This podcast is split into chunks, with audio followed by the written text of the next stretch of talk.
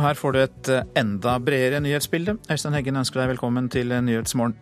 Lokomotivførerstreiken svir. Hvis 20 000 pendlere kommer en halvtime for seint på jobb, koster det samfunnet 800 000 kroner. Det forskes mer og bedre i Norge, viser, viser, rapport fra Norges forskningsråd. Hva forsker vi mer på, spør vi næringsminister Monica Mæland. Viktige spor fra fortiden kan gå tapt når folk får farte fritt omkring med metallsøkere, mener Riksantikvaren, som vil ha begrensninger. Og salg av Johaug-klær og PISA-tester får du også høre mer om her hos oss. En eh, halvtimes eh, forsinkelse for 20 000 togpassasjerer på Østfoldbanen koster 800 000 kroner, viser anslag gjort av Transportøkonomisk institutt. Passasjer Hege Lisbeth Jølberg tar vanligvis toget fra Oppegård stasjon for å reise til jobben på Skøyen.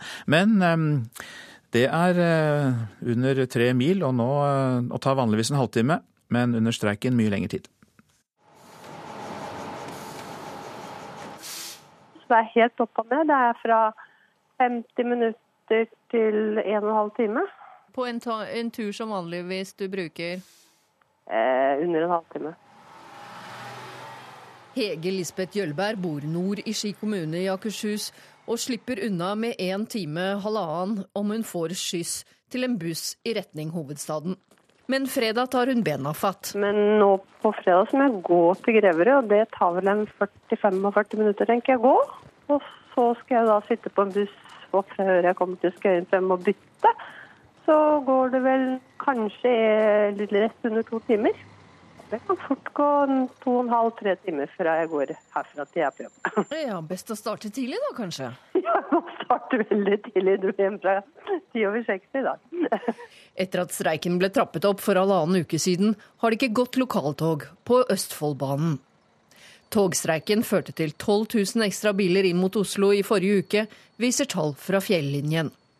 Og de som kjører på hjul til jobb, opplever at køen gjør reisen opptil tre timer lang. Det sier Erik Unås, ordfører i Eidsberg kommune og leder av Indre Østfold regionråd. Ja, Det er ganske kaotisk. Det er veldig mange fortvila pendlere. Folk har likevel vært utrolig kreative for å komme seg på jobb under streiken, sier han. Jeg har hørt om noen som har reist til Gardermoen, parkerer ut av flytoget inn til Oslo for å være helt sikre på å rekke kanskje et viktig møte. Del eh, velger faktisk å overnatte på hotell for å være helt sikre på å være på plass på morgenen. En del reiser inn på natta, eh, endrer på arbeidstidene sine. Vi ba Transportøkonomisk institutt beregne hva en halvtimes forsinkelse daglig betyr for 20 000 streikerammede reisende. Askild Halse er forsker på Transportøkonomisk institutt, TØI.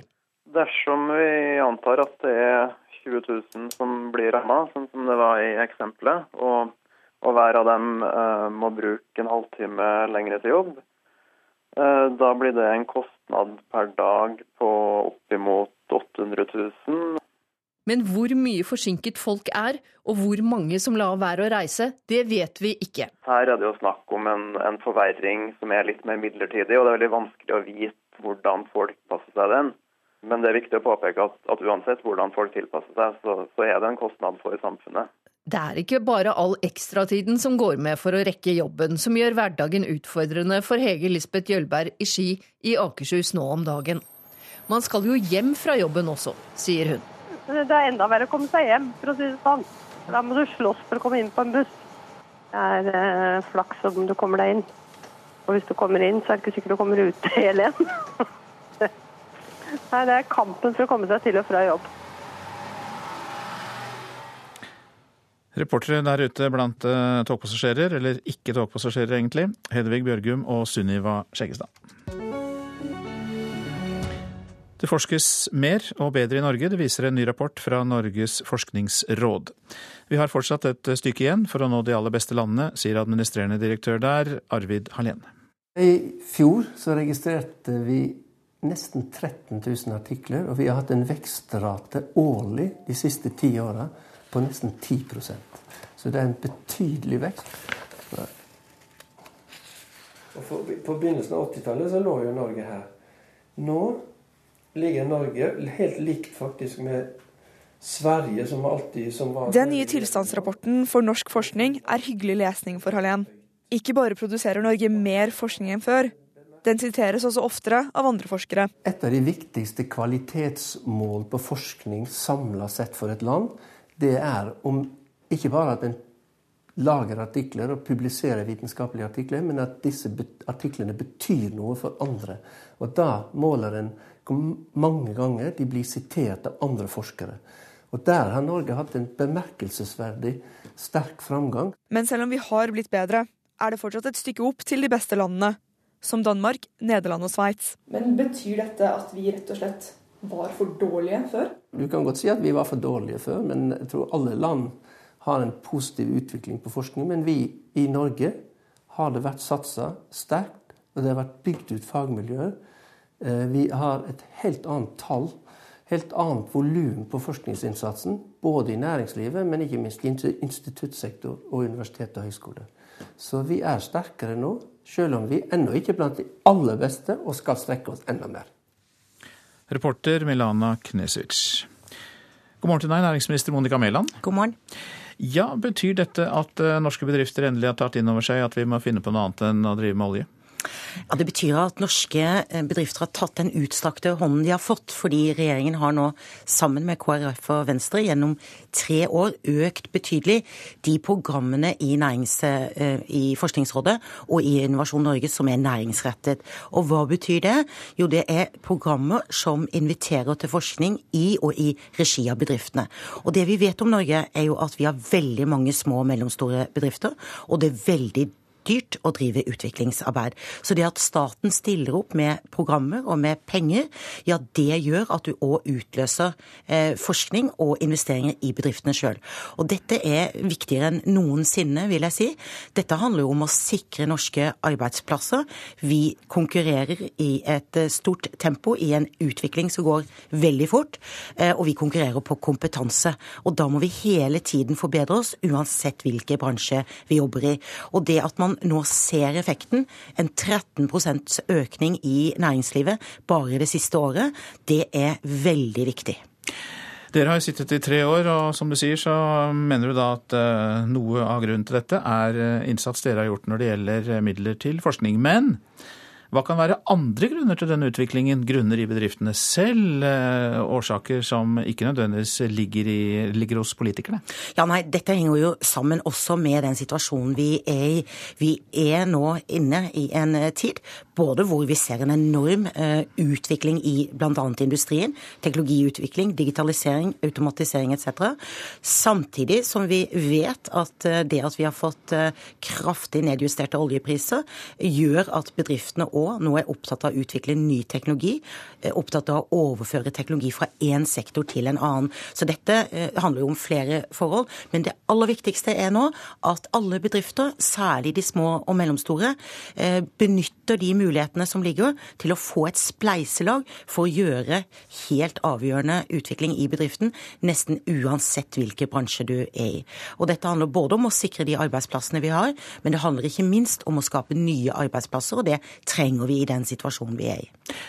Tallenes tale er altså klar. Det gjelder eh, forskning og mer forskning. Men så er det mange gründere som peker på denne lange veien fra idé til produkt. Altså nærmest en dødens dal som skal krysses. Hva kan vi gjøre med det? Ja, Det spørsmålet har jeg invitert eh, gründere og investorer og andre i gründermiljøet til å gi oss råd om. Vi har brukt eh, mye ressurser nå på tidlig fase.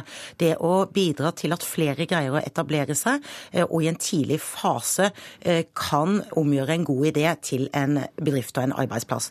Men vi ser at vekstfasen er krevende. Og der har vi flere virkemidler fra statens eh, side gjennom såkornfond og presåkornfond gjennom Investinor og andre virkemidler. Men spørsmålet er jo om vi må skru dette på en annen måte, og om vi kan bidra gjennom våre systemer på en annen måte. For det er helt klart at vi har en utfordring her knyttet til en fase som er veldig viktig, men veldig risikofylt, og hvor det er vanskelig å hente kapital. Men til slutt kan vi jo snu på flisa, Monica Mæland. Burde ikke du som eh, Høyre-statsråd mene at næringslivet bør finansiere dette selv, at det ikke trenger noe støtte fra staten? Jo, Det som er interessant, er jo at én krone fra staten utløser to kroner fra bedriftene sjøl, og det skaper verdier for syv. Så dette er lønnsomt samfunnsøkonomisk, ved siden av altså at det sikrer norske arbeidsplasser. Det er jeg som næringsminister veldig opptatt av. Ok, Monica Mæland, takk skal du ha. Så skal jeg si litt om det avisene er opptatt av i dag. Vi tør ikke snakke polsk så høyt at folk hører det, sier et ektepar som bor i Storbritannia. Til Aftenposten forteller Erik og Kajsa Hind at de vil ta den to år gamle datteren Francesca med seg hjem til Polen igjen, etter at en bekjent av dem ble drept etter å ha snakket polsk på gaten. De mener hatkriminaliteten øker i Storbritannia. Brexit slo knockout på tradisjonsrik bedrift, kan vi lese i Adresseavisen. Glenn Dimplex, tidligere kjent som Nobø, sier opp 50 ansatte og flytter produksjonen av varmeovner fra Stjørdal til Nord-Irland. Bl.a. fordi pundet er så svekket etter brexit.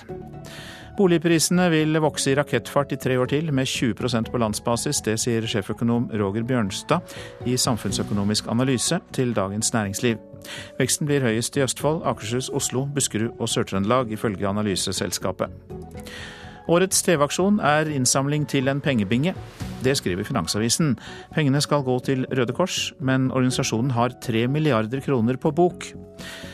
Ja, men vi rører ikke aksjeporteføljen utover å ta 90 millioner kroner i året, svarer kommunikasjonsdirektør Øystein Mjærum, som sier at pengene Røde Kors har på bok er en reserve for ekstraordinære situasjoner. Tidligere politietterforsker i Hordaland, Robin Schæfer, har fått erstatning fra staten, men ifølge Riksadvokaten var ikke Schæfer en varsler i lovens forstand da han protesterte mot at drapet på åtte år gamle Monika Svidlinskaja ble henlagt som selvmord. Schæfer har likevel fått 200 000 kroner fra staten for belastningen han ble påført, skriver Bergens Tidende. Bare én av ti vil ha økte lønnsforskjeller her i landet, viser en meningsmåling gjort for Klassekampen. Flertallet av arbeidstakerne vil ha mindre lønnsforskjeller, men likevel så blir det flere fattige og større lønnsforskjeller, skriver avisa. Røde prester langer ut mot SVs presteanbud. Det er oppslaget i Vårt Land. Lederen for de LO-organiserte prestene protesterer nemlig mot Oslo byråds planer om å fjerne en 30 år gammel ordning med egne prester på sykehjemmene. Nå vil byrådet ha en tilskuddsordning for et mer variert livssynstilbud på disse sykehjemmene.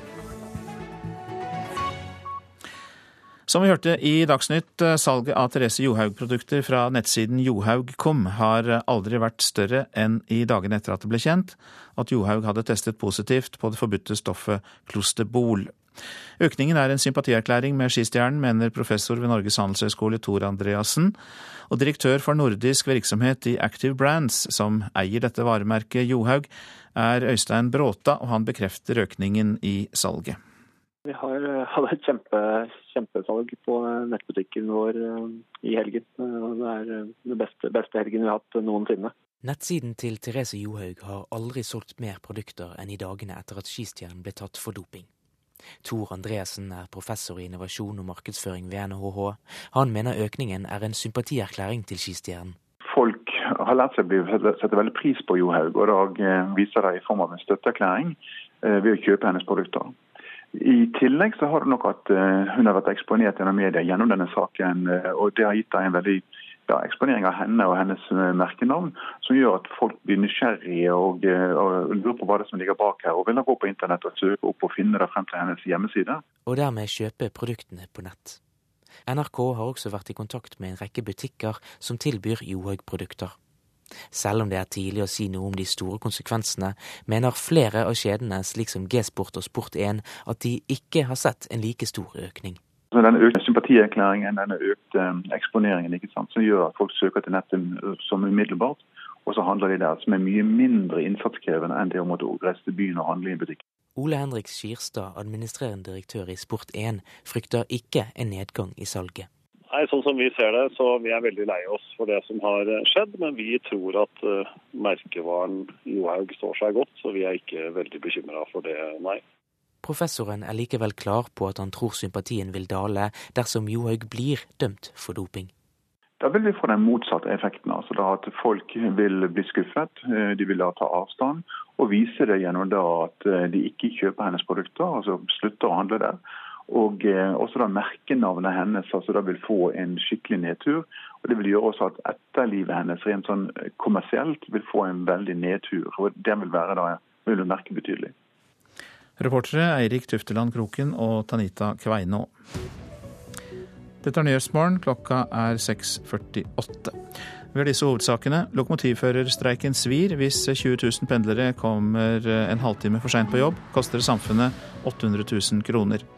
Det vil trolig komme dobbelt så mange asylsøkere til Norge i 2017 som i år, anslår Utlendingsdirektoratet. VG skriver at drøyt 8000 trolig vil komme til Norge i løpet av 2017, ifølge disse nye beregningene. Og vi har hørt at det forskes mer og bedre i Norge. Det viser en rapport fra Norges forskningsråd. Norske skoler bør ikke lenger være med i de internasjonale PISA-testene. Det mener Senterpartiet, som legger inn forslag om dette i Stortinget. Skolepolitisk talsperson i partiet, Anne Tingelstad Wøien, mener disse ferdighetstestene for ungdom ikke har noen verdi. Senterpartiet foreslår å melde norske elever av PISA-testene. Fordi vi mener at eh, det har vist seg gjennom de 16 åra vi har deltatt, at vi egentlig ikke har eh, oppnådd eh, noe som helst, etter vårt syn. Vi, har, vi vet at når vi, de første PISA-testene kom på begynnelsen av 2000-tallet, og nå 16 år etter, så oppnår vi omtrent de samme resultatene som vi har gjort uh, når vi begynte. PISA-testene er internasjonale skoleundersøkinger for 15-åringer i regi av OECD, Organisasjonen for økonomisk samarbeid og utvikling. Testene skjer hvert tredje år. Norge var med første gangen i år 2000. Det ble et sjokk for norske elever skårer langt dårligere enn vi trodde de kom til å gjøre. Om halvannen måned får vi resultatet av den sjette PISA-testen som norske elever har vært med på. Det resultatet trenger vi ikke, mener Senterpartiet. Anne Tingelstad Wøien mener PISA har fått altfor mye makt over norsk skole. Når du har så sterkt fokus på PISA-testene, så vil alle gå i seg sjøl og analysere og tenke hva skal vi gjøre nå for å bli bedre i ditten og datten. Og vi mener at vi bør ha eh, vi bør ha baller nok i Norge til å stole på oss, eh, på oss sjøl og, og, den skolen som vi har utvikla gjennom mange mange år, og som viser at uh, norske elever er gode faktisk også når de ja, på andre områder som demokratiforståelse osv. osv. Reportere her Håvard Grønli og Bjørn Myklebust. Og sannelig har ikke Bjørn Myklebust kommet til studio også, for om en knapp time så skal dere snakke mer om dette. Ja, for testing og rangering av elever er jo noe av det som diskuterer diskuteres aller heftigst i skolepolitikken. Og noen mener at roten til alt ondt er disse PISA-testene. De gjorde at norsk skole ble skrudd sammen for å forsøke å gjøre det bedre i den internasjonale konkurransen. Mens andre mener da, som vi hørte, at PISA-testene avslørte Norge. Vi var ikke verdensmestere. Og dette sjokket førte til at vi begynte å satse på kunnskap igjen. Og disse to synene representeres jo da ypperlig av de to vi nettopp hørte, Asheim og Tingelstad Wøien. Om én time så møter de hverandre. Det blir debatt på direkten i Politisk kvarter om uh, ca. 55 minutter. Takk skal du ha, Bjørn Myklebust. Ecuador bekrefter å ha stengt nettilgangen til Julian Assange. Lederen for Wikileaks har søkt tilflukt i den ecuadorianske ambassaden i London etter at han ble anklaget for seksuelle overgrep i Sverige. Nettstedet har de siste ukene offentliggjort flere e-poster fra valgkampapparatet til den demokratiske presidentkandidaten Hillary Clinton i USA. Ekvadorianske myndigheter sier i en uttalelse at landet ikke vil blande seg inn i valgene i andre land. Wikileaks har anklaget USA for å ha lagt press på Ekvator. noe amerikanske myndigheter avviser at de har gjort, melder nyhetsbyrået AFP. Viktige spor fra fortiden kan gå tapt. Det er flere som frykter det når eh, det nå eh, fordi eh, det ikke er retningslinjer for privat bruk av metallsøkere. Det vil Riksantikvaren nå ha innført, for målet er å sikre en enhetlig og forsvarlig bruk av slike søkere. På jakt etter spor fra fortida. Det er ganske mye som ligger i bakken. Det er ikke mye en skal bevege seg før det begynner. Det er 20 år siden Frank Salvesund fra Flekkerøy i Kristiansand skaffa seg sin første metalldetektor. Og blei bitt av basillen som kaptein Sabeltann synger, nå er jo snart skatten vår. Jeg har jo enda et håp om at uh, det faktisk kanskje var en en gang i tida som gjemte vekk en liten skatt da han stakk ifra ei seilskude. De siste åra har han òg fått selskap av stadig flere som er ute med metallsøker. Det er spenninger. Det er som hummerfiske. Også Riksantikvaren har registrert at metallsøking er blitt populært, og mener det nå er nødvendig med felles retningslinjer. Det vi ser er at det er mange ulike måter å gjøre dette på, og vi har sett behovet for enhetlige retningslinjer, sånn at man kan sikre disse viktige funnene man gjør sier avdelingsdirektør Hanna Geiran hos Riksantikvaren. Hvert år bidrar private metallsøk til at nye arkeologiske kulturminner blir kjent, særlig i dyrka mark. Men metallfunnet er bare en liten del av det freda kulturminnet, sier Geiran. Og det er sånn at et funn kan inneholde mange andre gjenstander, f.eks. av tre eller glass, som man da ikke finner.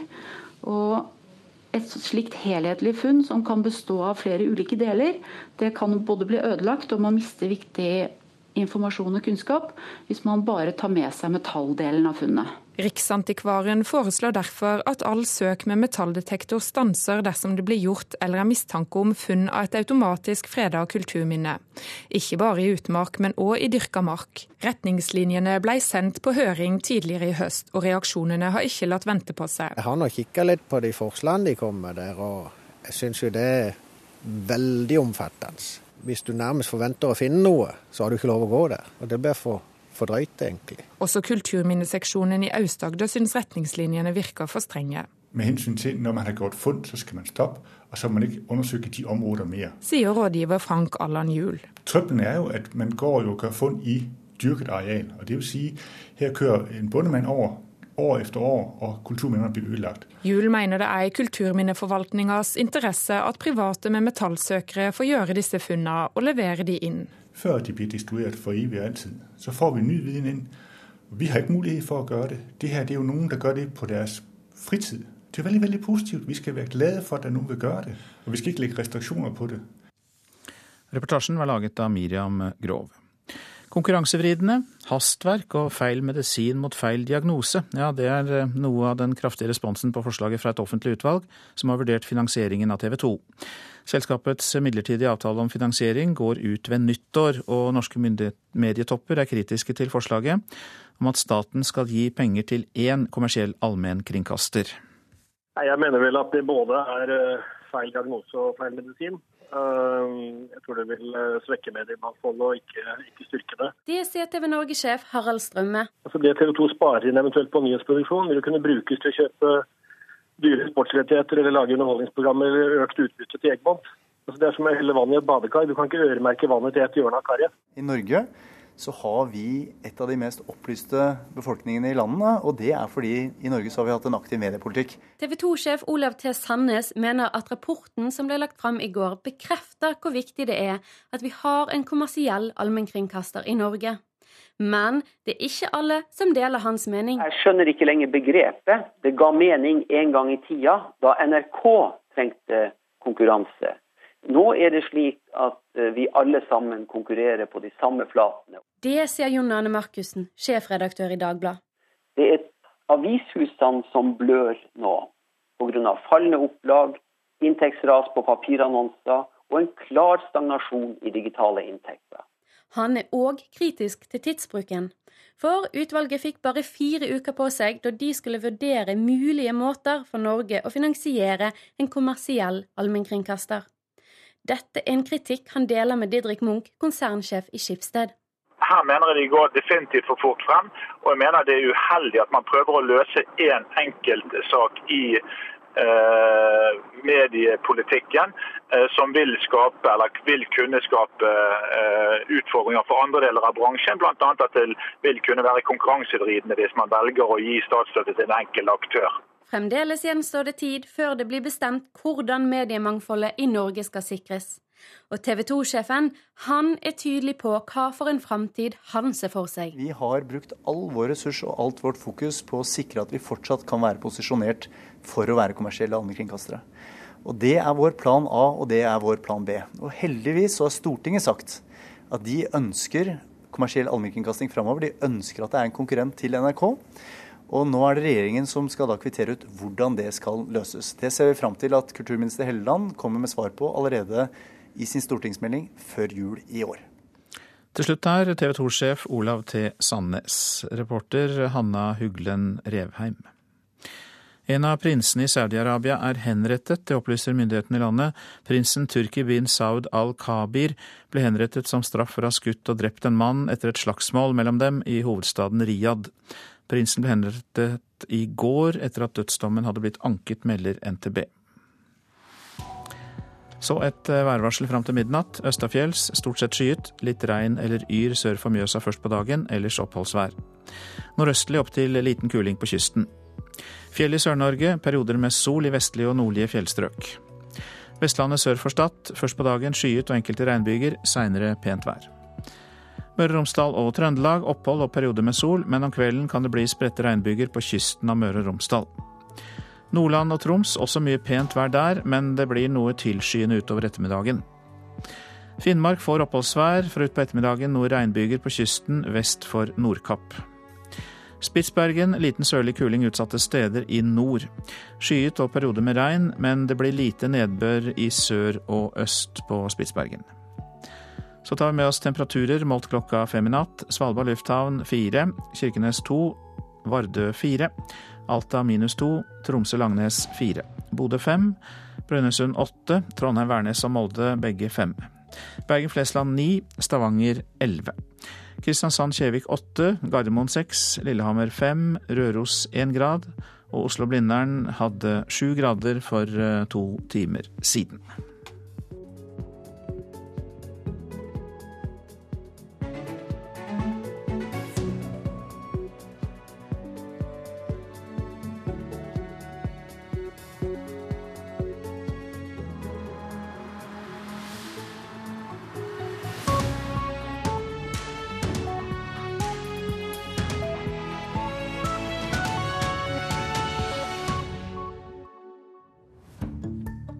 Hvordan høres en effektiv meditasjon over glamourlivets skimrende tomhet ut?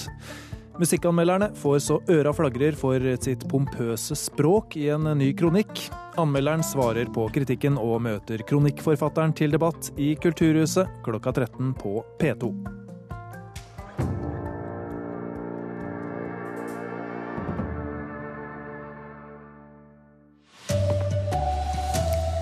Mattilsynet finner fortsatt åpne sår og andre alvorlige skader på dyr når de undersøker pelsfarmer. Togstreiken koster samfunnet dyrt, det sier Transportøkonomisk institutt. Her er NRK Dagsnytt klokka sju. Ja, Mattilsynet avdekker regelbrudd i nesten halvparten av tilsynssakene de gjør i pelsdyrnæringen. I fem saker har det vært snakk om alvorlig vanskjøtsel, og seksjonssjef for dyr, dyrevelferd i tilsynet, Torunn Knevelsrud, reagerer på at de fortsatt finner slike saker. Når det har vært såpass mye oppmerksomhet rundt dette med sårskader, så er det jo litt trist at man fortsatt finner såpass alvorlige tilfeller. Mattilsynet har fulgt pelsdyrnæringen tett etter mange medieavsløringer om vanskjøtsel. Men fortsatt finner de feil og mangler i nesten halvparten av tilsynssakene etter inspeksjon på pelsdyrgårder. Nå går pelsdyrnæringen en skjebnehøst i møte. For snart kommer stortingsmeldingen fra Landbruksdepartementet.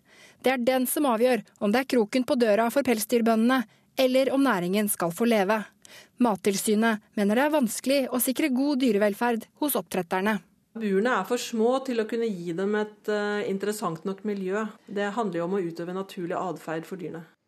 Og Pelsdyralslaget sier selv at det ikke er flere regelbrudd i pelsdyrnæringen enn i andre dyrehold, og at de fleste sakene dreier seg om tekniske mangler og ikke dyrevelferd. Reporter her var Kristine Hirsti. Flyktningleiren ved havnebyen Calais i Frankrike blir stengt i løpet av noen dager. Det sier landets innenriksminister. Det bor om lag 5700 mennesker i leiren, og mange av dem venter på en mulighet til å ta seg over til Storbritannia. En fransk domstol avviste denne uken at det å legge ned leiren er et angrep på rettighetene til de som bor der. En halvtimes forsinkelse for 20 000 streikerammede på Østfoldbanen koster om lag 800 000 kroner hver eneste dag, ifølge Transportøkonomisk institutt. Hege Lisbeth Jølberg tar vanligvis toget fra Oppegård i Akershus, og er på Skøyen i Oslo en halvtime etter.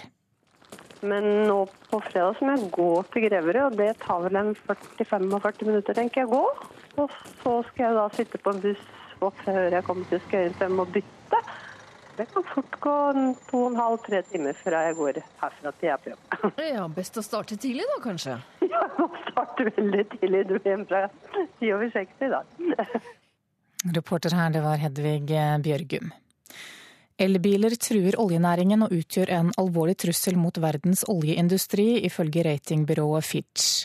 I en ny rapport skriver de at elbiler kan bli utbredt langt raskere enn de fleste antar.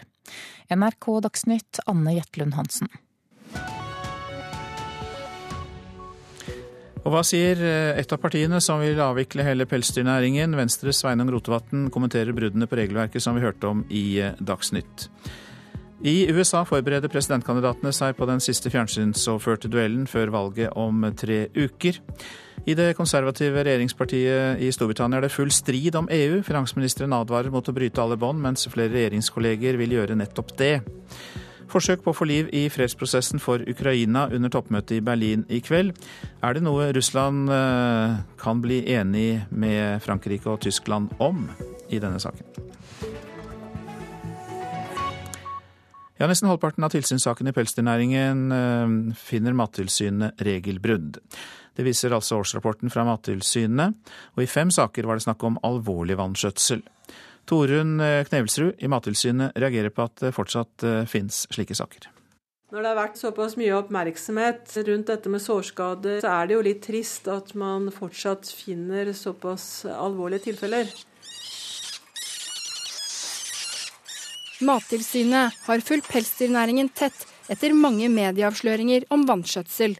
Men fortsatt finner de feil og mangler i nesten halvparten av tilsynssakene etter inspeksjon på pelsdyrgårder.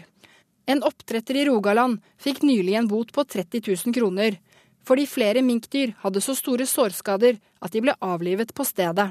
De oppdaget bl.a. en mink som satt fast i et rør. Det forteller avdelingssjef for Mattilsynet region Sør-Vest, Odd Ivar Berget. Ut fra sånn som sårene så ut, så har den minken gått i flere dager.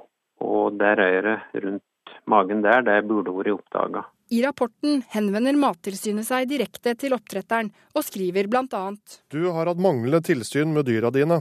Du har ikke sett at denne minken satt fast i et rør før Mattilsynet kom på inspeksjon. Skadene var så godt synlige at de nærmest lyste mot oss. Du har ikke fulgt opp syke og skadde dyr på en god måte. Du avlivet ikke minken for å hindre videre lidelse. Vi vurderer at du viste manglende empati med dyret under inspeksjonen.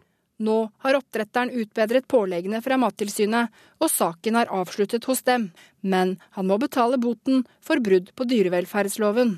Oppdretteren opplyser gjennom sin advokat Christian Flemmen Johansen at han ikke kjenner seg igjen i rapporten, og at han tar avstand fra dyremishandling. Johansen går nå igjennom saksdokumentene og varsler at hans klient trolig vil klage på boten. Kommunikasjonssjef i Pelsdyralslaget, Guri Vormdal, sier det ikke er flere regelbrudd i pelsdyrnæringen enn i andre dyrehold. Det er eh, helt på det rene at de fleste av de påtalene som gjøres, handler om tekniske mangler, og ikke at det er eh, dyrevelferden som ikke er i tråd med, den standarden eh, norske pelsdyrgårder skal ha. Nå går pelsdyrnæringen en skjebnehøst i møte. For snart kommer stortingsmeldingen fra Landbruksdepartementet. Det er den som avgjør om det er kroken på døra for pelsdyrbøndene, eller om næringen skal få leve. Mattilsynet mener det er vanskelig å sikre god dyrevelferd hos oppdretterne. Burene er for små til å kunne gi dem et uh, interessant nok miljø. Det handler jo om å utøve naturlig atferd for dyrene. Reporter Kristine Hirsti. Sveinung Rotevatn, velkommen hit. Takk for det. Du er stortingsrepresentant for eh, Venstre. Er dette slutten for pelsdyrnæringen? Det er jo ikke første gang vi hører om sånne saker, eh, og det er heller ikke overraskende, dessverre. I høst så kommer det en melding fra regjeringa. Regjeringa har fått beskjed fra Stortinget om å vurdere en styrt avvikling av næringa, fordi dyrevelferden ikke har vært god nok over mange år. Og det er Venstres oppfatning at eh, det bør også bli konklusjonen, fordi at nå, nå er det nok. Men eh, pelsdyrnæringen sysselsetter bønder, har gjort det i generasjoner. Hva skal de gjøre? Det er ikke veldig mange som driver med pelsdyroppdrett i Norge lenger. Det er snakk om et par hundre pelsdyrgårder. Eh, så skal en selvfølgelig ikke undervurdere for de enkeltpersonene det er snakk om, at det vil være krevende å måtte gå mot en styrt avvikling. Eh, og Derfor mener Venstre at her bør en gå inn med noen omstillingspakker som gjør at det er mulig å legge om til annen drift. Det syns jeg vi bør ta oss råd til.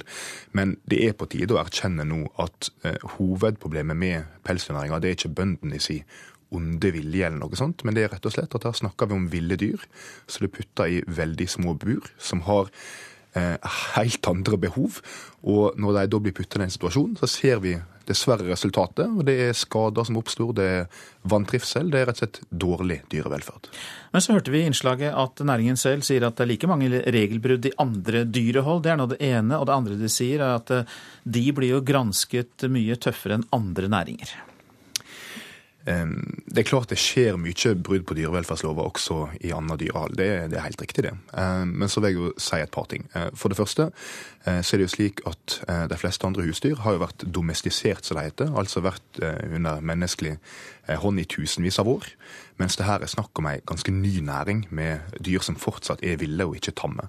Det andre jeg vil si er at vi må ikke drive med oppdrett av dyr for å flå skinnet og selge det til Kina. Vi må drive med matproduksjon. Så jeg mener at rent etisk så går det også an å skille mellom eh, det vi driver med i pelsdyrnæringa og det en driver med i andre næringer. Og så er jo også evalueringene av næringene forskjellige. Og det er ikke tilfeldig at f.eks. Veterinærforeninga, eh, Veterinærinstituttet og Rådet for dyreetikk alle sier at en bør avvikle pelsdyroppdrett. Til høsten kommer altså, eller Nå i høst kan vi si, kommer altså stortingsmeldingen fra Landbruksdepartementet om eh, dette. Men eh, hvis eh, Høyre og Fremskrittspartiet syns det er greit å fortsette med pelsdyrnæring, så skal de jo ikke mer til enn en kort samtale med Senterpartiet, så har de flertall.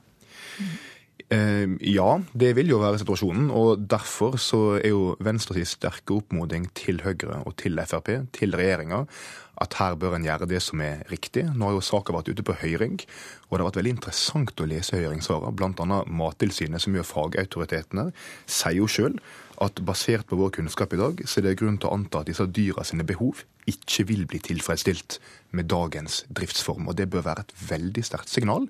Så Derfor så vil jeg oppmode landbruksminister Jon Georg Dale til å konkludere med at nå er det på tide med ei styrt avvikling. Det vil han få Venstres støtte til å gjennomføre i Stortinget.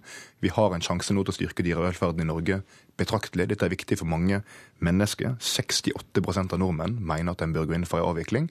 Det mener også Venstre, og jeg håper at regjeringa lander på samme konklusjon. Takk skal du ha, Sveinung Rotevatn, som altså er eh, stortingsrepresentant for eh, Venstre. Til USA. Der forbereder presidentkandidatene seg på den siste fjernsynsoverførte duellen før valget om tre uker. De siste dagene har begge kandidater møtt motgang. Flere prominente republikanere har jo trukket sin støtte til Donald Trump etter nye anklager om seksuelle overgrep, mens Hillary Clinton må svare på nye spørsmål om e-postene sine. Kabler trekkes og kameralamper justeres helt opp mot siste minutt før Secret Service sperrer av universitetsområdet i kasinobyen Las Vegas, og kun slipper inn dem med forhåndsgodkjennelse. Dette er siste store rigg med Hillary Clinton og Donald Trump på samme scene. En presidentduell som få tør sette penger på utfallet av. Meningsmålingene har gått Hillary Clintons vei de siste dagene. Alt fra 4 til 11 prosentpoengs ledelse. Men Donald Trump sier at han ikke lenger tror på målinger. Now, even though we're doing pretty good in the polls, I don't believe the polls anymore. I don't believe them. Da han møtte velgere i vippestaten Colorado på vei hit, viste Trump til overraskelsen britene våknet til etter EU-avstemmingen. Republikanernes presidentkandidat fortsetter å påstå at det kommer til å være omfattende valgjuks, selv om flere studier gjennom tidene viser at det ytterst sjelden skjer uregelmessigheter. Heller ikke republikanske advokater eller sentrale politikere støtter konspirasjonsteoriene om det amerikanske valgsystemet. At the polling booths, where so many cities are corrupt, and you see that, and voter fraud is all too common. And then they criticize us for saying that. Mens eh, Trump sliter med beskyldninger om seksuelle overgrep, må Hillary Clinton igjen svare på spørsmål om sine e-poster. Dokumenter fra det føderale politiet, FBI, viser at hennes medarbeider i Utenriksdepartementet forsøkte å endre sikkerhetsgraderingen på en e-post fra Clintons private server, mot å tilby FBI flere agenter i utlandet. Byttehandelen skjedde ikke, men Trump har kjørt hardt på det han mener er en sammensvergelse. Hillary Clinton is the most corrupt person ever to run for the presidency. Denne tredje debatten blir trolig siste sjanse Clinton og Trump har til å gjøre et godt inntrykk og appellere til dem som ennå ikke har bestemt seg. Debatten varer i 90 minutter og skal innom seks hovedtemaer som immigrasjon, statsgjeld, høyesterett, økonomi, utenrikspolitikk og om kandidatene er skikket til jobben. Utspørreren kommer for første gang fra den høyreorienterte kanalen Fox News. Chris Wallace er kjent for en pågående intervjustil. De to presidenthåpfulle kan invitere med seg en håndfull gjester hver, og velger ofte personer som kan gjøre inntrykk på motparten. Sist tok Trump med seg tre kvinner som anklaget tidligere president Bill Clinton for seksuelle overgrep. Denne gang har han invitert president Obamas kenyanske halvbror. Hillary Clinton har med seg den tidligere Trump-støttespilleren Mark Cuban på første rad. Anders Tvegård, Las Vegas. Vårin Alme, velkommen hit. Takk. Du er statsviter, kommentator på nettstedet amerikanskpolitikk.no. Det var mye å ta fatt i her. Eh, la oss begynne med meningsmålingene som Trump ikke tror på. Tror du det kan bli en ny overraskelse av brexit-typen? Eh, nei, altså I det amerikanske valget hittil så har jo meningsmålingen meningsmålingene vist seg i stor grad å stemme. Det som ikke har stemt, er jo analysene til uh, liksom, tallknusere, kommentatorer og den konvensjonelle visdommen der. Uh, det som er litt skummelt her nå, er jo at Trump som presidentkandidat um, si, altså hevder at det foregår valgfusk helt uten grunnlag, også, også, før valget er gjennomgått og før stemmegivning er begynt i en rekke stater. Um, og, og det, han, det han spilte på mye før, altså i primærvalget, var var jo at man så en slags sånn systematisk altså Man så svakheter i valgsystemet som gjorde f.eks. at både han og Bernie Sanders endte opp med færre stemmer. Eh, altså fikk et dårligere resultat enn man skulle trodd ut fra stemmegivningen da, pga. systemet. Det ser man jo ikke i hovedvalget. Eh, så det er, jo, det er jo litt foruroligende for resultatet i november. Eh, altså Skulle Hillary Clinton bli president, så vil altså Donald Trump så tvil rundt om det var legitimt eller ikke.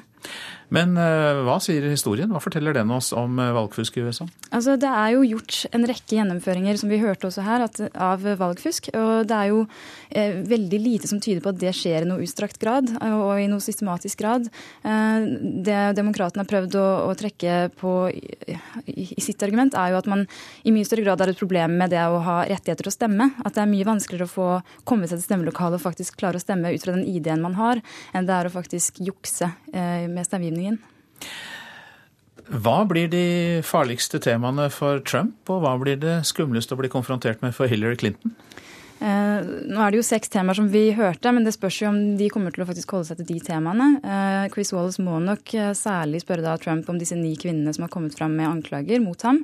Og Hillary Clinton blir nok da spurt om disse nye lekkasjene av e-poster, og særlig også fra staben sin. Men det vi ikke har hørt tidligere i debattene, det er Trump snakke om muren. Denne muren han skal bygge mot Mexico. Og dette, denne debatten har jo innvandring som ett særlig nevnt tema. Så det blir interessant å høre om han har altså om han fortsatt står ved det han har sagt, om han fortsatt da står ved innreiseforbud mot muslimer. Nå har vi hørt ham revidere det. Um, og, og, så blir det interessant særlig med dette at Nevada, som er en vippestat der debatten foregår, har en stor latinoamerikansk befolkning. Uh, de vil jo gjerne uh, være opptatt av hva som vil skje med den illegale befolkningen i USA. Disse rundt 11 millionene som det estimeres at befinner seg i landet ulovlig. Uh, og, og både Trump og Clinton har jo sagt at de ikke ønsker å splitte familier, men, men Trump vil nok særlig stilles til veggs der. Nå er jo ikke Fox News kjent for å elske Hillary Clinton. Det er en konservativ eh, TV-kanal. Eh, tror du det har noe å si at det er de som leder debatten denne gangen? Ja, Det er jo også første gang at de har debatten i et hovedvalg. Um, det kan være at eh, det gir republikanere som ofte kritiserer media, litt mindre å spille på. Det at de faktisk nå får en høyrelent moderator. Og Chris Wallace vil nok være tøff mot begge, og kanskje tøffere mot Hillary Clinton enn de tidligere moderaterne har vært. Men ellers så er han Han er jo en journalist med lang, svart, lang fartstid, har jobbet for ABC News tidligere og har vært, hatt tøffe intervjuer både med Hillary Clinton, med Obama, med Bill Clinton, og gjort en viktig sånn, journalistisk jobb der. Så jeg tviler på at det vil ha noen annen effekt enn at dette vil bli en god debatt. Vi ser fram til det. Vårin Alme, hjertelig takk for at du kom. Statsviter og kommentator på nettstedet amerikanskpolitikk.no. Dette er Nyhetsmorgen. Klokka passerte 7.17 nå.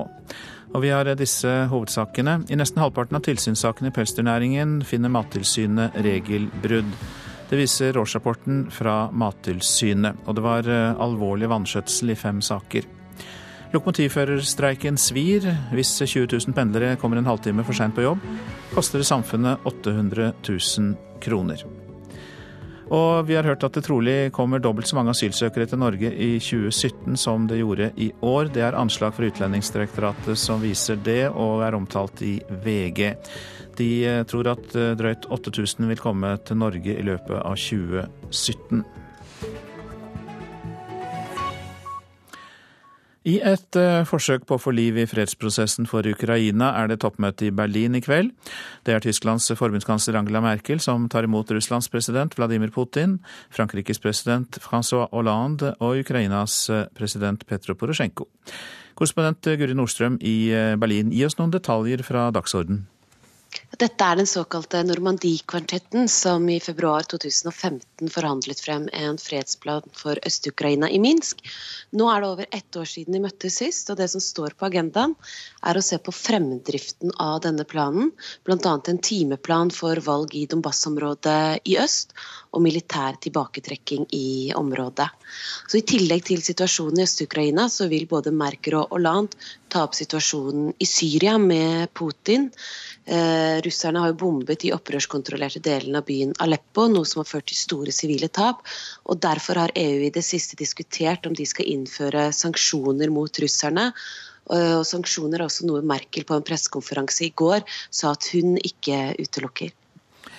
Under sitt besøk i Norge i går så virket jo ikke den ukrainske presidenten Petro Porosjenko særlig optimistisk, heller lakonisk vil jeg si, etter å ha hørt og sett ham. Hvilke forventninger er det til toppmøtet? Ja, Han var veldig tydelig på at ingen måtte ha store forventninger til uh, dette møtet. Han var klar på at han mente russerne ikke har oppfylt sin del av Minsk-avtalen, som våpenhvile, tilbaketrekking av tunge våpen, fri tilgang for observatører og løslatelse av gisler, mens russerne på sin side mener at Ukraina ikke har oppfylt sin del av avtalen, uh, bl.a. det å få på plass en lov som gir områdene i øst en spesiell status. Putins talsmann sa likevel i går at det er nyttig nyttig å møtes på denne måten, men at det ikke vil være mulig å snakke om noen konkrete avtaler. Også Merkel har sagt at man ikke skal forvente seg noen mirakler i kveld. Så oppsummert så er det ikke store forventninger på noen sider, men det er viktig for alle å holde dialogen i gang, og også særlig nå med økt spenning rundt eh, Syria. Ja, Hva kan vi anta at vi får høre da, når partene forlater hverandre seinere i kveld? Det blir interessant å se. Nå er det planlagt en pressekonferanse med Merkel og Hollande etter møtet i kveld. Men allerede nå så er det bestemt at verken Porosjenko eller Putin kommer til å delta på den. De reiser istedenfor rett eh, hjem. Takk skal du ha, korrespondent Guri Nordstrøm. I morgen kommer EUs regjeringssjefer sammen til toppmøte i Brussel. Det er mye som er vanskelig. Listen over saker er lang. Forholdet til Russland, kontroll over EUs yttergrense er kanskje de viktigste. Brexit eh, står ikke på saklisten, men siden dette blir første gang statsminister Theresa May deltar etter at hun overtok som statsminister, er det ganske uunngåelig at ikke Storbritannias utmeldelse blir en sak. Harde hæler mot stengulv, ankomster, møter og avreiser. Det er arbeidshøst i EU, og ministre med utenriks-, handels- og andre arbeidsoppgaver på tvers av landegrenser hadde det travelt i Luxembourg de to første dagene denne uken. Britenes Boris Johnson og tyskernes Frank-Walter Steinmeier var blant de som forberedte grunnen for sine regjeringssjefer, som i morgen og fredag kommer sammen til EU-toppmøte i Brussel. På agendaen står handel, flyktninger, grenser og forholdet til Russland. Priority number one now is uh, to save Aleppo, to save the people of Aleppo. And this is why our strong call is on Russia and on the Syrian regime to stop the bombing on Aleppo. Første prioritet er å redde folk i Aleppo. Vi vil på det sterkeste anmode Russland og regimet i Syria om å stanse bombingen og å fortsette samtaler, sa EUs utenrikssjef Federica Mogherini.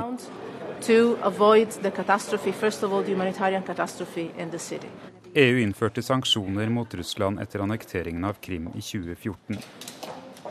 Nå er diskusjonen om ytterligere sanksjoner mot Russland vil kunne påvirke situasjonen i Syria, eller om det ikke vil virke. Konklusjonen går i retning av det siste.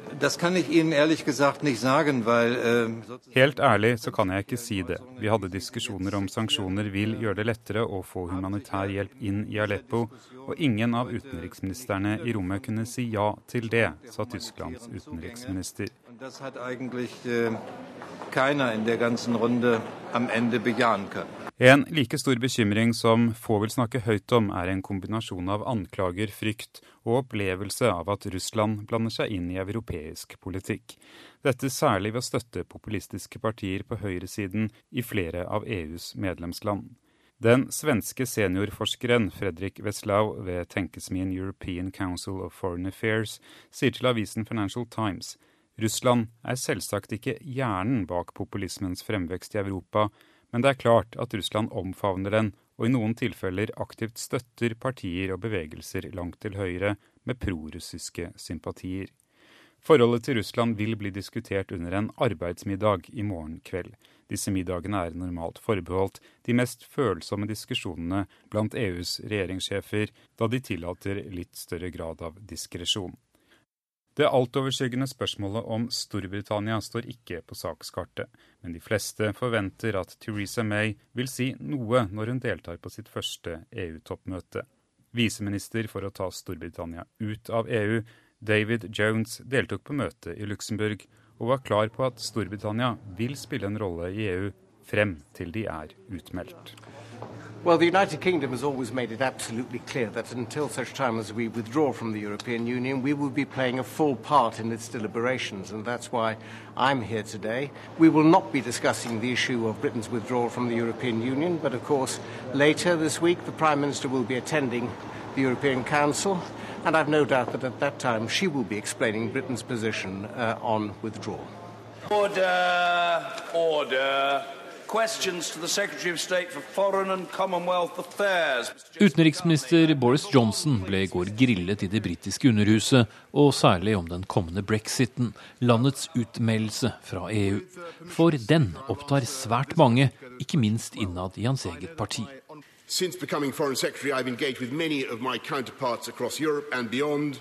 Og det er stor uenighet om saken. Det handler om det som kalles en hard eller myk brexit. For skal Storbritannia fortsatt ha en viss adgang til EUs indre marked, og dermed ta imot arbeidsinnvandrere som nå, eller skal det brytes tvert? Myk brexit, mener bl.a. landets finansminister Philip Hammond. Hard brexit, mener utenriksminister Boris Johnson. Uh, let's let, we're, all, we're all in this together. Everybody wants to make a great success of, uh, of, of Brexit.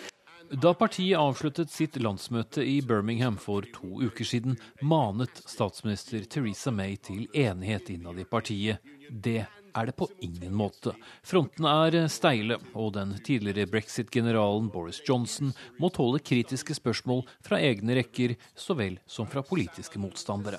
Will you support the Chancellor in standing up to the hard Brexiteers who seem to want to do such untold damage to our economy. I går kom også tall som viste at landet i september hadde den kraftigste prisveksten på nesten to år. Den henger sammen med et rekordlavt pund, særlig målt mot dollar, men også mot euro.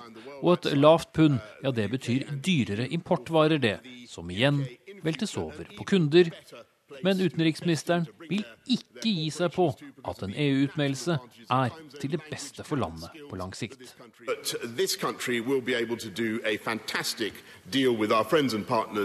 I ettermiddag møter han Norges utenriksminister Børge Brende her i London. I likhet med de 27 andre EU-landene og den lille håndfullen med EØS-land er Norge spent på hva slags vei Storbritannia velger. Og forhåpentligvis får Børge Brende et litt klarere svar enn parlamentsmedlemmet som spurte om de videre arbeidsforholdene for italienske arbeidere.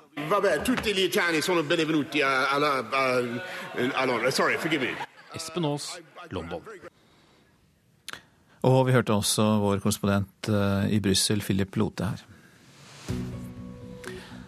Så noen glimt fra dagens aviser. Vi tør ikke snakke polsk så høyt at folk hører det, sier et ektepar som bor i Storbritannia. Til Aftenposten forteller Erik og Kajsa Hind at de vil ta den to år gamle datteren Francesca med hjem til Polen igjen, etter at en bekjent av dem ble drept etter å ha snakket polsk på gaten. De mener hatkriminaliteten øker i Storbritannia. Brexit slo knockout på tradisjonsrik bedrift, kan vi lese i Adresseavisen. Glenn Dimplex, tidligere kjent som Nobø, sier opp 50 ansatte og flytter produksjonen av varmeovner fra Stjørdal til Nord-Irland, bl.a. fordi pundet er så svekket etter brexit.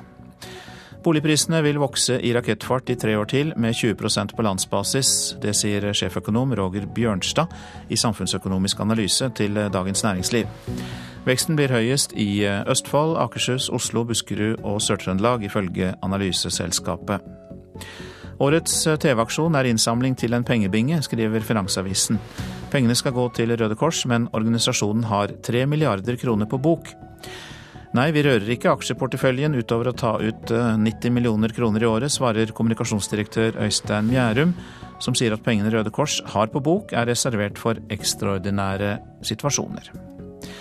Tidligere politietterforsker i Hordaland, Robin Schäfer, har fått erstatning fra staten, som ifølge Riksadvokaten ikke var eh, varsler, Schäfer altså, i lovens forstand, da han protesterte på at åtte år gamle Monika Svilinskaja Drapet på henne ble henlagt som selvmord. Likevel har altså Schäfer fått 200 eh, 000 kroner fra staten for belastningen han ble påført, skriver Bergens Tidende. Bare én av ti vil ha økte lønnsforskjeller her i landet, viser en meningsmåling gjort for Klassekampen. Flertallet av arbeidstakerne vil ha mindre lønnsforskjeller, men likevel blir det flere fattige og større lønnsforskjeller, skriver eh, avisa. Og eh, dermed så går vi mot eh, avslutning av denne runden av Nyhetsmorgen. Produsent i dag Ingvild Ryssdal. Her i studio Øystein Heggen. Nåde dem som ikke vil delta i den kollektive sorgen. Hør om Thailand etter kongens død i reportasjen om eh, ti minutter. Anne Tingelstad Wøien fra Senterpartiet og Henrik Asheim fra Høyre diskuterer PISA-programmet i Politisk kvarter. Det er altså kvart på åtte.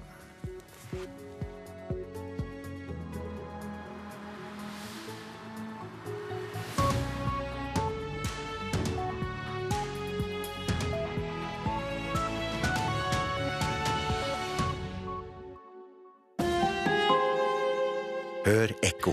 Det er store digitale klasseskiller i norsk skole. Undersøkelser viser at ferdigheter og tilgang til data er høyst forskjellig fra skole til skole og fra elev til elev. Er nettbrett fremfor blyant og papir til de aller yngste veien å gå? Ekko 9 11 i NRK P2.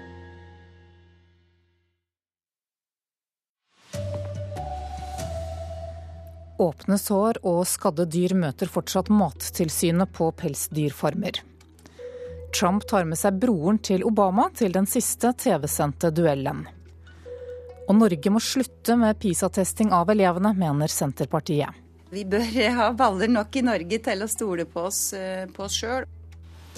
God morgen, her er NRK Dagsnytt klokka 7.30. Mattilsynet avdekker regelbrudd i nesten halvparten av tilsynssakene i pelsdyrnæringen. I fem saker har det vært snakk om alvorlig vanskjøtsel. Seksjonssjef for dyrevelferd i tilsynet, Torunn Knevelsrud, reagerer på at de fortsatt finner slike saker. Når det har vært såpass mye oppmerksomhet rundt dette med sårskader, så er det jo litt trist at man fortsatt finner såpass alvorlige tilfeller. Mattilsynet har fulgt pelsdyrnæringen tett etter mange medieavsløringer om vanskjøtsel.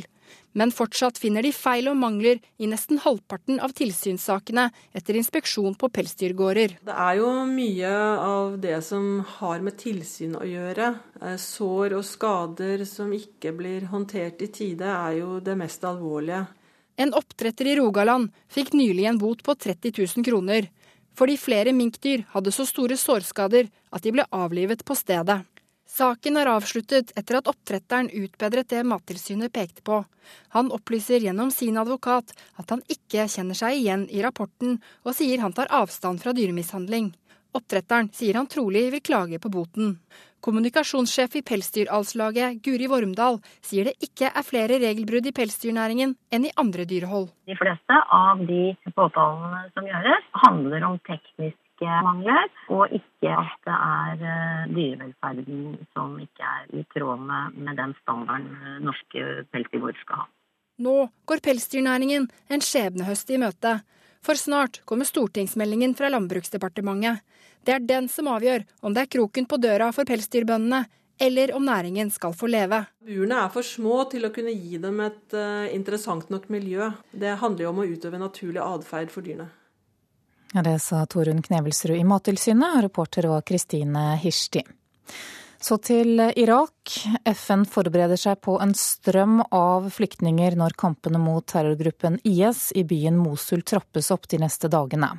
Men mye tyder på at de 1,5 million innbyggerne holdes i byen mot sin vilje som menneskelige skjold. Og korrespondent Kristin Solberg, du er i Irak. Hvordan er situasjonen i Mosul i øyeblikket? Ja, nå har irakske styrker og kurdiske persmergastyrker fortsatt fremrykkingen mot Mosul, hovedsakelig fra øst og sør. Totalt så har styrkene tatt rundt 20 landsbyer fra IS så langt. Og generaler på frontlinjen sier at det går raskere enn planlagt. Men det er likevel et stykke igjen til Mosul, mellom 20 og 60 km på de ulike frontlinjene. Og det er ventet at det går går tregere jo nærmere byen de kommer. Eh, men det er eh, en tett befolket by. Det er omtrent halvannen million mennesker som lever inne i Mosul, så her må styrkene trå varsomt frem for å unngå store sivile tap. USAs forsvarsdepartement sier at innbyggerne i byen blir brukt som menneskelige skjold av IS. Kan det stemme? Ja, Det er en beskrivelse man ofte bruker om motstandere i en krig, men denne gangen så har det en viss sannhet i seg. IS har eh, forhindret mennesker fra å flykte. Jeg snakket med en kvinne som måtte betale en menneskesmugler 200 dollar per familiemedlem for å smugle familien ut av et IS-område, eh, trygt forbi kontrollpostene. Ellers var det umulig å komme seg ut. Og I tillegg så har IS lagt ut miner rundt byen. Det er litt for å gjøre det vanskeligere for irakske styrker å rykke frem, men det gjør det også farligere å flykte. Men det skal sies, det er ikke alle som ønsker å flykte. Det å forlate sitt hjem er eh, for mange svært, eh, svært eh, vanskelig. Men når irakske styrker kommer inn i selve byen, så kan veldig mange måtte flykte fra de harde kampene. Og FN advarer om at det kan bli opptil en million internflyktninger pga. denne offensiven. Skal videre til USA nå. Der gjør presidentkandidatene seg klare til den siste fjernsynsoverførte duellen før valget om tre uker. Og begge har møtt motgang den siste tiden. Hillary Clinton må svare på spørsmål om e-postene sine, og Donald Trump ligger langt etter på meningsmålingene. Men Trump sier at han ikke lenger tror på målinger. Now, even though we're doing pretty good in the polls, I don't believe the polls anymore. I don't believe them. Da han møtte velgere i vipestaten Colorado på vei hit, viste Trump til overraskelsen britene våknet til etter EU-avstemmingen. Mens eh, Trump sliter med beskyldninger om seksuelle overgrep, må Hillary Clinton igjen svare på spørsmål om sine e-poster. Dokumenter fra det føderale politiet, FBI, viser at hennes medarbeider i Utenriksdepartementet forsøkte å endre sikkerhetsgraderingen på en e-post fra Clintons private server, mot å tilby FBI flere agenter i utlandet. Byttehandelen skjedde ikke, men Trump har kjørt hardt på det han mener er en sammensvergelse. Hillary Clinton is the most corrupt person ever to run for the. Denne tredje debatten blir trolig siste sjanse Clinton og Trump har til å gjøre et godt inntrykk og appellere til dem som ennå ikke har bestemt seg. De to presidenthåpfulle kan invitere med seg en håndfull gjester hver, og velger ofte personer som kan gjøre inntrykk på motparten. Sist tok Trump med seg tre kvinner som anklaget tidligere president Bill Clinton for seksuelle overgrep. Denne gang har han invitert president Obamas kenyanske halvbror. Hillary Clinton har med seg den tidligere Trump-støttespilleren Mark Cuban på første rad. Anders Tvegård, Las Vegas. Norske skoler bør ikke lenger være med i de internasjonale PISA-testene. Det mener Senterpartiet, som nå fremmer et forslag for Stortinget om dette. Skolepolitisk talsperson i partiet, Anne Tingelstad Wøien, mener testene ikke har noen verdi. Det har vist seg gjennom de 16 åra vi har deltatt at vi egentlig ikke har eh, oppnådd eh, noe som helst, etter vårt syn. Vi, har, vi vet at når vi, de første PISA-testene kom på begynnelsen av 2000-tallet, og nå 16 år etter, så oppnår vi omtrent de samme resultatene som vi har gjort eh, når vi begynte. PISA-testene er internasjonale skoleundersøkelser for 15-åringer i regi av OECD, Organisasjonen for økonomisk samarbeid og utvikling. Anne Tingelstad Wøien mener PISA har fått altfor mye makt over norsk skole. Og vi mener at vi bør ha Eh, vi bør ha baller nok i Norge til å stole på oss, eh, på sjøl. Og, og, den skolen som vi har utvikla gjennom mange mange år, og som viser at uh, norske elever er gode faktisk også når de ja, på andre områder som demokratiforståelse osv. osv. Reporter var Håvard Grønli, og det blir debatt om dette i Politisk kvarter klokka kvart på åtte i P2 og Alltid nyheter. En halvtimes forsinkelse for 20 000 streikerammede på Østfoldbanen koster om lag 800 000 kroner hver eneste dag. Det viser beregninger fra Transportøkonomisk institutt. Hege Lisbeth Jølberg tar vanligvis toget fra Oppegård i Akershus og er på Skøyen i Oslo en halvtime etter. Men nå må hun ta bena fatt på vei til jobb. Men nå på fredag må jeg gå til Greverud, og det tar vel en 40-45 minutter, tenker jeg, å gå. Og så skal jeg da sitte på en buss opp før jeg kommer til Skøyen, så jeg må bytte. Det kan fort gå to og en halv, tre timer før jeg går herfra til jeg er på jobb. Ja, Best å starte tidlig da, kanskje? Ja, jeg må starte veldig tidlig. Du hjemme fra ti over seks i dag. Etter at streiken ble trappet opp for halvannen uke siden, har det ikke gått lokaltog på Østfoldbanen. Og de som kjører på hjul til jobb, opplever at køen gjør reisen opptil tre timer lang. Det sier Erik Unås, ordfører i Eidsberg kommune og leder av Indre Østfold regionråd. Ja, Det er ganske kaotisk. Det er veldig mange fortvila pendlere. Vi ba Transportøkonomisk institutt beregne hva en halvtimes forsinkelse daglig betyr for 20 000 streikerammede reisende. Askild Halse er forsker på Transportøkonomisk institutt, TØI. Dersom vi antar at det er 20 000 som blir ramma, sånn som det var i eksempelet, og, og hver av dem eh, må bruke en halvtime lengre til jobb, eh, da blir det en kostnad per dag på oppimot 800 000. Men hvor mye forsinket folk er, og hvor mange som lar være å reise, det vet vi ikke. Men det er viktig å påpeke at, at uansett hvordan folk tilpasser seg, så, så er det en kostnad for samfunnet. Det sa Askild Halse, som er forsker på Transportøkonomisk institutt. Og reportere her, det var Hedvig Bjørgum og Sunniva Skjeggestad. Ansvarlig for eh, radiosendingene denne morgenen heter Erlend Rønneberg. Teknisk ansvarlig Frode Thorshaug, og her i studio Anne Jetlund Hansen.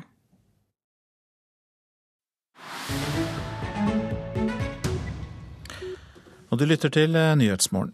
Sørgende fortsetter å strømme til kongepalasset i Bangkok for å vise sin respekt for kong Bumibol, som døde i forrige uke.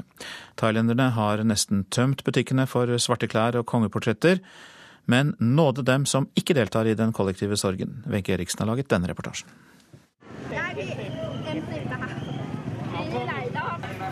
Det går unna på et marked i Bangkok. Alle vil ha det de selger. Svarte skjorter, svarte bukser og skjørt og bluser. Etterspørselen er enorm, og prisene på svarte klær har skutt i været etter at kong Bhumibol døde i forrige uke. Myndighetene har oppfordret et sørgende folk til å kle seg i svart eller svart og hvitt. Statsansatte har fått beskjed om at de må gå med svarte klær i et helt år. Så lenge varer den offisielle landesorgen i Thailand. Men ikke alle i Thailand har råd til å kjøpe seg nye klær. For dem har et nytt tilbud dukket opp blant lager- og fabrikkbygningene i Bangkok og andre byer. Dit kan folk komme med sine rutete og blomstrede og fargerike plagg, og få dem farget beksvart alt sammen. Farget av dem som kan det, og det helt gratis. Jeg syns det er en flott idé, sier Kamal Samutsal til nyhetsbyrået Ap. Han sitter og venter på at hans klær skal bli ferdig. Det er for dyrt å kjøpe nye klær, og det er flott at profesjonelle gir denne gratistjenesten til oss, sier han. Det er ikke bare svarte klær thailenderne vil ha. De skal ha bilder av den avdøde kongen også. Og nå som det begynner å bli utsolgt på kongebilder og andre kongeeffekter mange steder, havner mange til slutt i den såkalte Portrettgata i hovedstaden Bangkok.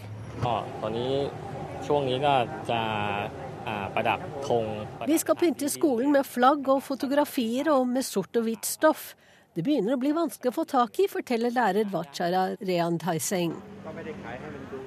Mens et gedigent gullinnrammet bilde av kong Bumibol bæres ut av butikken, bekrefter rammemaker Charlie Wantamoron Mitt at omsetningen har økt med 70 80% siden kongen døde. Vi klarer ikke å levere fort nok. Vi trenger mer tid fordi noen av materialene må bestilles, sier han til Reuters. Og utenfor Statens sparebank i Bangkok sto tusenvis i kø i går for å kjøpe spesielle 100 baht-minnesedler med illustrasjoner av kong Bumibol som besøker vanlige thailendere, som planter ris og som spiller saksofon. Sedlene kostet det dobbelte av pålydende, men ble utsolgt likevel, og 200 000 til trykkes opp denne uken.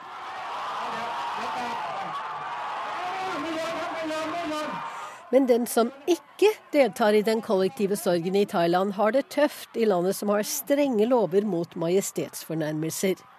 Umaporn Sarasat måtte gå kanossagang forbi et hundretalls rasende mennesker da hun ble ført til politistasjonen på øya Koh Samui.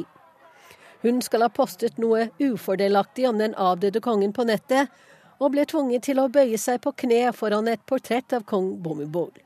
Både på vei inn og på vei ut igjen, mens folk ropte skjellsord. På Facebook er det en video av en mann i Bangkok som blir sparket og slått av en mobb fordi han angivelig skal ha fornærmet monarkiet. Jeg mente det ikke, jeg elsker kongen, roper han til slutt og ber om unnskyldning. Den beste måten å straffe disse menneskene på er sosiale sanksjoner, sier Thailands justisminister. Dette er hovedsaker i Nyhetsmorgen. Åpne sår og skadde dyr møter fortsatt Mattilsynet på pelsgårder her i landet. I nesten halvparten av tilsynssakene i pelsdyrnæringen har Mattilsynet funnet regelbrudd. FN forbereder seg på en strøm av flyktninger når kampene mot IS i byen Mosul i Irak trappes opp. Mye tyder på at innbyggere holdes i byen mot sin vilje som menneskelige skjold. PISA-testene har fått for mye makt over norsk skole, sier Senterpartiet, som nå vil droppe dem. Er å gå baklengs inn i framtida, mener Høyres Henrik Asheim. Lokomotivførerstreiken svir. Hvis 20 000 pendlere kommer en halvtime for seint på jobb, koster det samfunnet 800 000 kroner. Det viser beregninger gjort av Transportøkonomisk institutt. Og sekundene tikker mot Politisk kvarter. Der er Bjørn Myklebust programleder.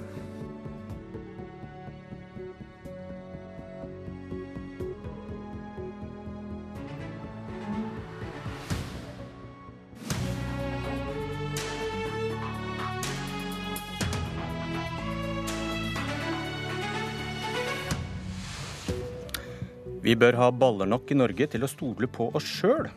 Det sier Senterpartiet, som vil at norske elever ikke lenger skal være med på PISA-testene. For det har ingen verdi å sammenligne norske elever med utlendinger. Én med baller og én uten møtes i Politisk kvarter.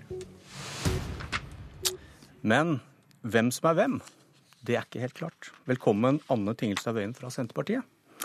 Det var ditt sitat som fikk Erna å sette tonen i dag, og vi må begynne med å se litt nærmere på forslaget dere nå fremmer på Stortinget om å droppe disse PISA-testene. For med jevne mellomrom så tar norske 15-åringer disse testene. Da får vi svar på hvordan elevene gjør det i matte, naturfag og lesing målt opp mot andre land. Men så sa du til oss i går, det betyr ikke noe hvordan en norsk 15-åring ligger an i forhold til en 15-åring i Singapore. Hvorfor trenger vi ikke den kunnskapen? Nei, fordi at eh, når vi skal ha sånne typer tester, så mener vi det er mye viktigere at vi da eh, bruker tester som gjør at vi kan forbedre undervisningen. Mens når du er 15 år, så er du jo ferdig med den undervisningen. Eh, og vi tenker at det må være viktigere for oss å måle da f.eks. norske 30-åringer opp mot utenlandske 30-åringer i forhold til kunnskapsnivå, eller å se på hvordan utvikling på verdiskaping på BNP osv. Mm, er i Norge på sikt.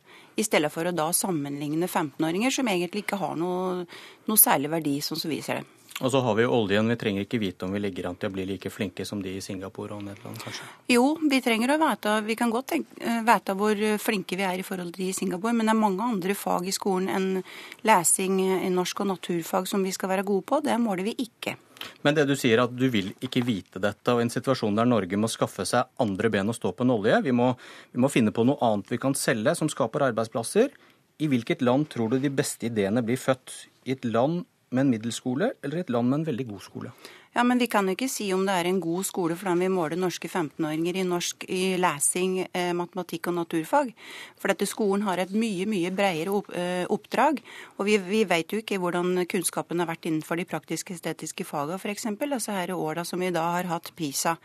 Eh, og det er jo på, på det med kritisk tenkende og skapende virksomhet vi, vi ser jo hvordan vi kan bidra til innovasjon og entreprenørskap, og det har vi jo understreka i den meldinga som vi la fram nå, eller den innstillinga som komiteen ga fra seg forrige uke. At vi mener at vi må legge mye større vekt på de praktiske og estetiske fagene, slik at vi får en, en breiere, tar vare på det breie samfunnsmandatet som skolen har. Men jeg hører ikke deg etterlyse andre, bedre måter å rangere land på. Jeg bare sier det, det, nei, nei, vi trenger ikke rangere. Da... Vi trenger ikke å rangere norske land, for det, det, som vi, det, som det viser, er at de 16 åra vi har vært med i PISA, så er vi omtrent på samme nivå nå som vi var når vi begynte. Vi, begynte på, vi var middels i, i, år 2000, og vi er fortsatt middels nå. Vi hadde en dipp eh, faktisk eh, hatt etterpå. Enda så er det iverksatt en rekke tiltak for at vi da skal bli flinkere. Og de tiltakene som da har vært iverksatt, det er at vi har hatt mye større fokus på tester og prøver. Vi har fått nasjonale prøver, og vi har kartleggingsprøver, og vi har fått flere kartleggingsprøver enn det vi har hatt. Vi er for at vi skal ha eh, diagnostiske kartleggingsprøver, fordi at det kan hjelpe læreren til å eh, hjelpe elever på den måten de trenger. Eh, men vi har også sagt at vi nasjonale prøver ønsker vi at skal være utvalgsprøver. For det vi mener er feil, og det vi er kritiske til, det er at de her testregimet har fått lov til å styre skoleutviklinga i Norge på en helt uheldig måte, som gjør at vi nå får leser artikler på artikler om stressa unger, f.eks. Men når vi skal konkurrere med andre land, du mener altså at det er ikke noe verdi i å vite hvordan norske elever scorer opp mot andre land? Vi konkurrerer ikke på 15-åringer, vi konkurrerer på det vi greier av verdiskaping når vi begynner å bli eldre, når vi skal ut i arbeidslivet. Derfor så er det egentlig ikke akkurat Men da er det i hvert fall for sent, er det ikke det? Du jo, sa at 15-årige, det er for sent å måle 15-åringer. Altså, vi, vi har jo eksamener og vi har standpunktkarakterer som vi bør kunne eh, sammenligne, eller som der vi ser hvordan det står til med norske elever. Eh, og, jeg vet at ASM sikkert kommer til å trekke fram det at vi ikke gjør det så godt i matematikk. og det er, er eh, helt riktig, og da må vi se på hva vi bruker de matematikktimene til som vi har i dag. Men det er jo ikke pga. PISA at vi ser dette, det er jo pga. de eksamensresultatene som elever da viser. Ok, Senterpartiet vil at Norge skal droppe PISA. Vi trenger ikke vite hvordan vi ligger an sammenlignet med andre. Da er det vel logisk å droppe undersøkelser som TIMS, som tester realfagskunnskaper, PIRLS, som tester lesing. Ja, alle internasjonale undersøkelser som Nei, for... måler forskjeller mellom land? Nei, men også det som er med Teams og Pearls, det er jo at de foregår på et helt annet uh, trinn i, i, klasse. Det er jo mellom fjerde og åttende klasse. Og da har du muligheten til å forbedre undervisningen etter at du har hatt de internasjonale undersøkelsene. Det har du ikke når du, um, når du tester PISA. Greit. Henrik Asheim, Høyre. Uh, skal vi se rote i papirene her. Og så har jeg bare lyst til å si en ting til. For det er jo ikke bare Senterpartiet som er opptatt av å droppe PISA, men det er jo også 100 akademikere som skrev brev til han Andreas Schleiser, som er, er leder for, for, dette utdanningsprogrammet for OECD, og var kritiske til dette og ønska at det skulle være en stopp i PISA-testingene, fordi at det førte ikke noe godt med seg. Du får ikke målt, den, eh, målt den, det hele breie mandatet, og du tar ikke hensyn til de nasjonale læreplanene, bl.a. Ok, da Henrik Asheim fra Høyre, det er nå vi skal få svare på hvem som har baller. Hva syns du om forslaget? Jeg syns det er usedvanlig dårlig. Uh, og det er sånn at PISA-undersøkelsen, altså Hele premisset til Anne Tingelstad Wøien og Senterpartiet er jo at PISA-undersøkelsen er noe vi gjør for å kartlegge alle elevene i norsk skole og for å hjelpe dem underveis. PISA-undersøkelsen er et forskningsprosjekt i regi av OECD. Eh, når du sier at man blir stresset, elevene blir stresset av disse testene, vel, det vi altså helt konkret gjør, er at hvert tredje år så trekker vi ut mellom 4000 og 5000 15-åringer som avlegger en totimers prøve i eh, matte, naturfag og norsk. Eh, altså skriving. Og så uh, svarer de på en del spørsmål om læringsmiljø, klassemiljø osv. Og så tar man all den uh, kunnskapen inn fra da under 1% av elevene i grunnskolen Eh, og Så jobber man et år med det, og så sammenligner man det med alle de andre OECD-landene pluss 31 land til. Dette er forskning som eh, brukes da for å se både hvordan utviklingen i det enkelte land er, men også for å sammenligne noe av hvordan 15-åringene presterer i disse fagene. Men dette er jo et forskningsprosjekt først og fremst. Dette er jo ikke det samme som nasjonale prøver eller andre ting. Så det at Norge nå skal melde seg ut av et svært forskningsprosjekt med 65 land, som kartlegger noe av det som skolen gjør, nemlig å lære barna grunnleggende ferdigheter i realfag og lesing, ja, det syns jeg er helt merkelig. fordi altså, Senterpartiet sier at vi liker ikke forskningsresultatene, så da må vi slutte å forske. Nei, det er jo ikke interessant i det hele tatt. Det vi må gjøre, er å fortsette å forske og se hvordan vi kan bruke erfaringene fra Norge og andre land. Men kort, kort, Hva blir konsekvensen hvis Bøyen og Senterpartiet får viljen sin? Ja, konsekvensen er for det første at Norge melder seg av som det eneste OECD-landet i et svært forskningsprosjekt som har pågått i flere tiår om skoleutvikling i alle disse landene. Eh, og det andre er at vi mister ett av flere viktige verktøy, altså ett av flere viktige informasjonsverktøy for hvordan det står til med norsk skole. Vi mener vi har nok verktøy som vi har. Og så må vi huske på det at OECD det er en organisasjon som skal fremme økonomisk vekst og frihandel. Det har egentlig, hadde jo ikke noen opprinnelse i det hele tatt i forhold til det med, med utdanningssektoren. Og så er det jo riktig det som Henrik sier, at det er bare en brøkdel av norske elever som eh, gjennomfører de PISA-testene. Det er rundt 4500 elever som, som, er med på de testene. Men så er det jo sånn at vi vet jo det at det vil vel si 90% eller 99 av, den, av det som da eh, blir debattert i media i etterkant, det baserer seg jo da på de her resultatene etter dette her fire 4500 elever som da er testa eh, hvert tredje år, og får lov til å legge premissene for utdanningspolitikken i åra framover. Og det mener vi er feil. Da er det mye bedre at vi da bruker eh, eksamensresultatet, og vi kan gjerne dele bekymringen over at vi ikke presterer for nok eh, eller godt nok da i matematikk etter 10. klasse. Men her, men her, lager Senterpartiet en stråmann, og så argumenterer de mot den. Det er jo ikke sånn at vi bare bruker PISA-undersøkelsen til å utvikle norsk skole. Vi har altså da kartlegging nasjonale prøver, vi har karakterstatistikk, vi har elevundersøkelsen, og vi har PISA, TIMS, Pearls.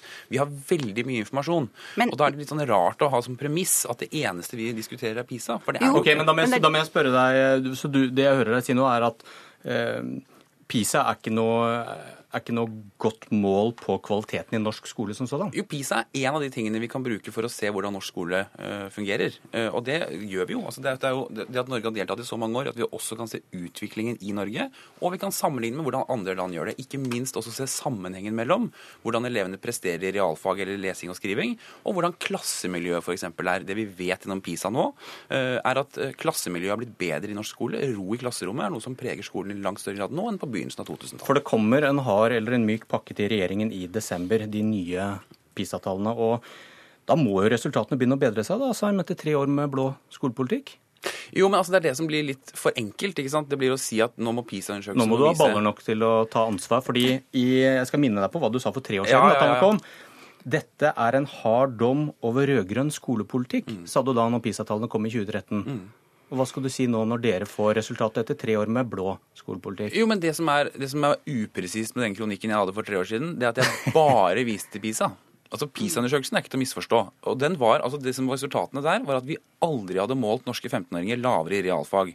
Det er supplert med at 40% av de som kom opp i 10. klasse i matte, fikk karakteren 1 eller 2, altså strøk eller karakteren 2 er jo et supplement på det som vi kritiserte den rød-grønne regjeringen for. Man satset ikke nok på realfagene. Men nå prøver jeg å høre etter. Er det jo, du men... sier nå at det var ikke riktig det du sa da, at dette var en, at PISA-tallene forrige gang var en dom over rød-grønn skole? Jo, altså når du har styrt et land i åtte år, og du blir målt på det laveste nivået vi noensinne har blitt i realfag, så mener jeg at det også har noe å si hvem som har styrt. Ok, hva, hva, hva, litt... men hva med, de, hva med de tallene som kommer i desember, Asheim? Vil de være en litt foreløpig dom over hvor godt dere lykkes, da? Vel, De vil i hvert fall si noe om hvilken vei vi er i norsk skole. ikke sant? Om vi er på vei oppover eller nedover. Uh, og jeg er veldig spent Ikke på de blå skolepolitikk, men norsk skole som sådan? Jo, altså poenget er at Den undersøkelsen som kommer nå, den ble gjennomført i 2015. Da hadde regjeringen styrt i to år. Og Det er ikke sånn at PISA-undersøkelsen spretter opp og ned basert på hvem som styrer landet. Hvor lenge må dere styre før du tar ansvar for resultatene, da? Nei, altså Det viktige nå, altså Vi var jo hos OECD for eksempel, og snakket med dem om disse også.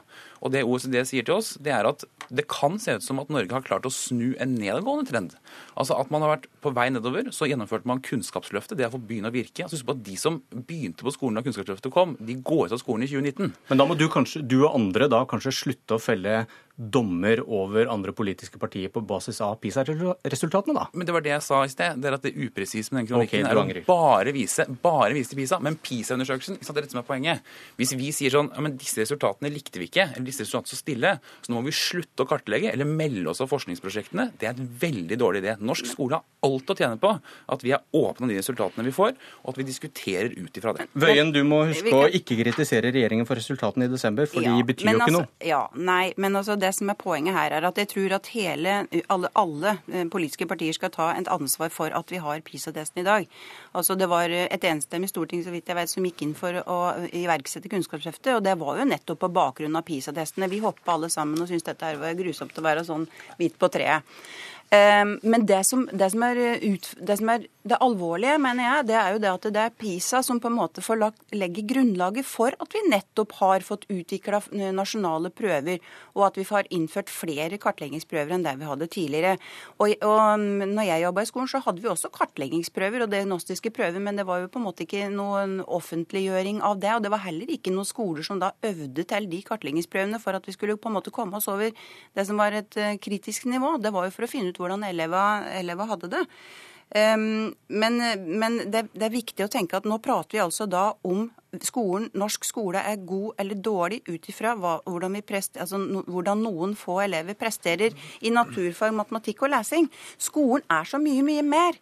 Hvordan presterer vi i de praktiske og estetiske faga? F.eks.